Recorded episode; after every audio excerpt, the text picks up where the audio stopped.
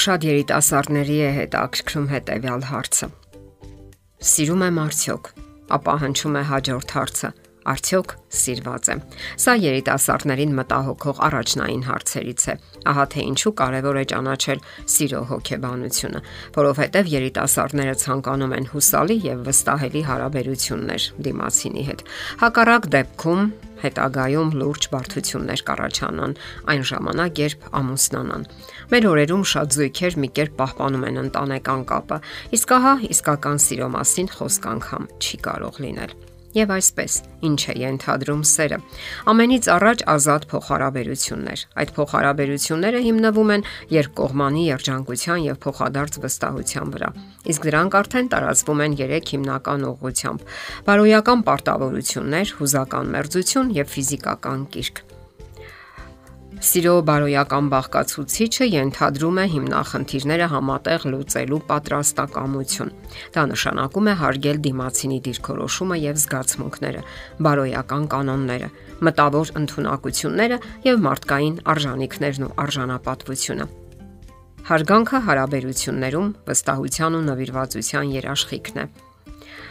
Սիրո հուզական բաղկացուցիչը մերձության, միաբանության եւ բարեկամության պահն է։ Սերը անխզելիորեն կապված է բարեկամության հետ, իսկ դրա հիմքը ընդհանուր հայացքներն են, նպատակներն ու ձգտումները։ Սիրող զույգերի մոտ բարեկամությունը հասնում է գագաթնակետին ներքին մերձության եւ հոգիների միաբանության արդյունքում։ Այդ ժամանակ է, որ անznականը վերածվում է ընդհանուրի եւ հակառակը։ Այդ ժամանակ կողմերը մտածում են միմյանց համար եւ կարեկցում միմյանց, վայելում են միմյանց ներկայությունը։ Իսկ հետո գալիս է ֆիզիկական հպումների ու շփումների ժամանակն ու կարիքը։ Առաջանում է հույզերի այնպիսի միաձուլում, որն արդեն գաղտնի է մյուսների համար առաջանում է ֆիզիկական մղում միմյանց հանդեպ։ Եվ սա արդեն այն պահն է, երբ զույգը պատրաստ է ամուսնական հարաբերությունների։ Իսկ սովորական բարեկամությունը այսպիսի հարաբերություններ չի ենթադրում։ Սիրո ֆիզիկական բաղկացուցիչը հիմնվում է կրքի վրա։ Այդ ժամանակ զույգը մղվում է այնպիսի հարաբերությունների, որոնք միանշանակ բնորոշ են ամուսնացած զույգերին։ Այդ ժամանակ սեռական մղումը հասնում է այն աստիճանի, որ զուգընկերը դառնում է ֆիզիկական բավարարման միակ աղբյուրը։ Սիրո օբյեկտը դառնում է ամենացանկալին եւ մնացածներն արդեն չեն գրավում նրան։ Սիրո այս բոլոր բաղկացուցիչները հավասարապես կարևոր են փոխհարաբերությունների հաստատման եւ զարգացման համար։ Տարբեր զույգերի մոտ կարող են դիտվել սրանց տարբեր համադրություններն ու գերակշռությունները, սակայն միանշանակ է, որ սրանցից յուրաքանչյուրի բացակայության դեպքում ընտանեկան փոխհարաբերություններ չեն կարող գոյություն ունենալ։ Շատ կարևոր է ճանաչել միմյանց հոգեբանությունը Տղամարդիկ երբեմն ապշահար են լինում կանացի հոգեբանության առանձնահատկություններից եւ նրանց որոշ արարքներից, սակայն չեն պատկերացնում, որ այդ նույն կանայք իրենք են ապշահար տղամարդկային արարքներից։ Իսկ որpիսի այդ օրինակ գաղտնիքներ գոյություն չունենան, անհրաժեշտ է տարական, եթե ոչ բավարար հոգեբանական գրագիտություն։ Առանց այդ իմացության դժվար կլինի գտնել հպման եզրեր, առանց պայթյունավտանգ իրավիճակներ ստեղծելու։ Տարբեր մարդկանց մոտ տարբեր հետաքրքիր առանձնահատկություններ կան, սա հարկավոր է հաշվի առնել։ Որքան էլ տարօրինակ է, մարդիկ չեն պատկերացնում այն մեծ ճշմարտությունը, որ երջանկության մասին պատկերացումները տարբեր են տարբեր մարդկանց մոտ, եւ այստեղ է որ հարկավոր է հպման եզրեր գտնել։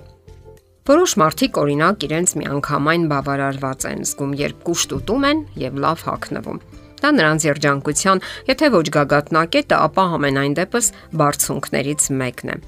Իսկ ահա շատ մարդիկ այդպես էլ չեն հասկանում, թե ինչ է երջանկությունը եւ այդպես անցնում են իրենց ողջ կյանքը։ Որոշ մարդիկ կարող են երջանկություն ապրել սովորական իրերի ու երևույթների ներկայությունից, իսկ շատերն էլ անցնում են իրենց ողջ կյանքը համառ պայքարի ու ինքնաայրման մեջ։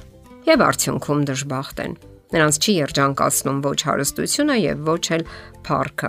Նվաճելով մի նպատակը նրանք անցնում են մյուսին առանց դաթարի եւ արդյունքում մնում են չբավարարված։ Իսկ բոլոր դեպքերում գոյություն ունեն ընդհանրություններ, որոնք միավորում են զույգերին, եւ ընտանիքը կազմավորվում է հենց այդ ընդհանրությունների հիմքի վրա։ Դա անվտանգության զգացումն է, ցեղի շարունակության պահանջը, ինչպես նաև հարգանքի եւ սիրո պահանջը։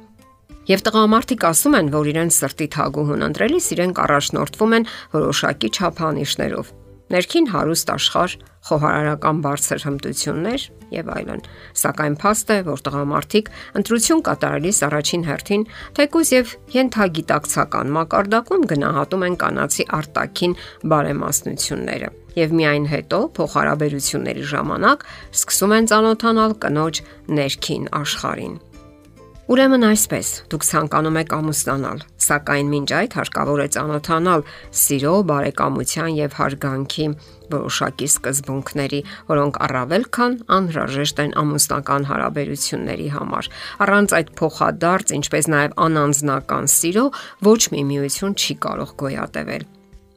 Դուք պետք է ճանաչեք թե ձեր եւ թե դիմասինի ներքին աշխարհի կարևոր առանձնահատկությունները։ Այդպես եք դնում սկիզբը երիտասարդական այն հարաբերությունների, որոնցից էլ ծնվում է ամուսնական հարատև սերը։ Եթերում ճանապարհ երկուսով հաղորդաշարներ։ Հարցերի եւ առաջարկությունների համար զանգահարել 033 87 87 87 հեռախոսահամարով։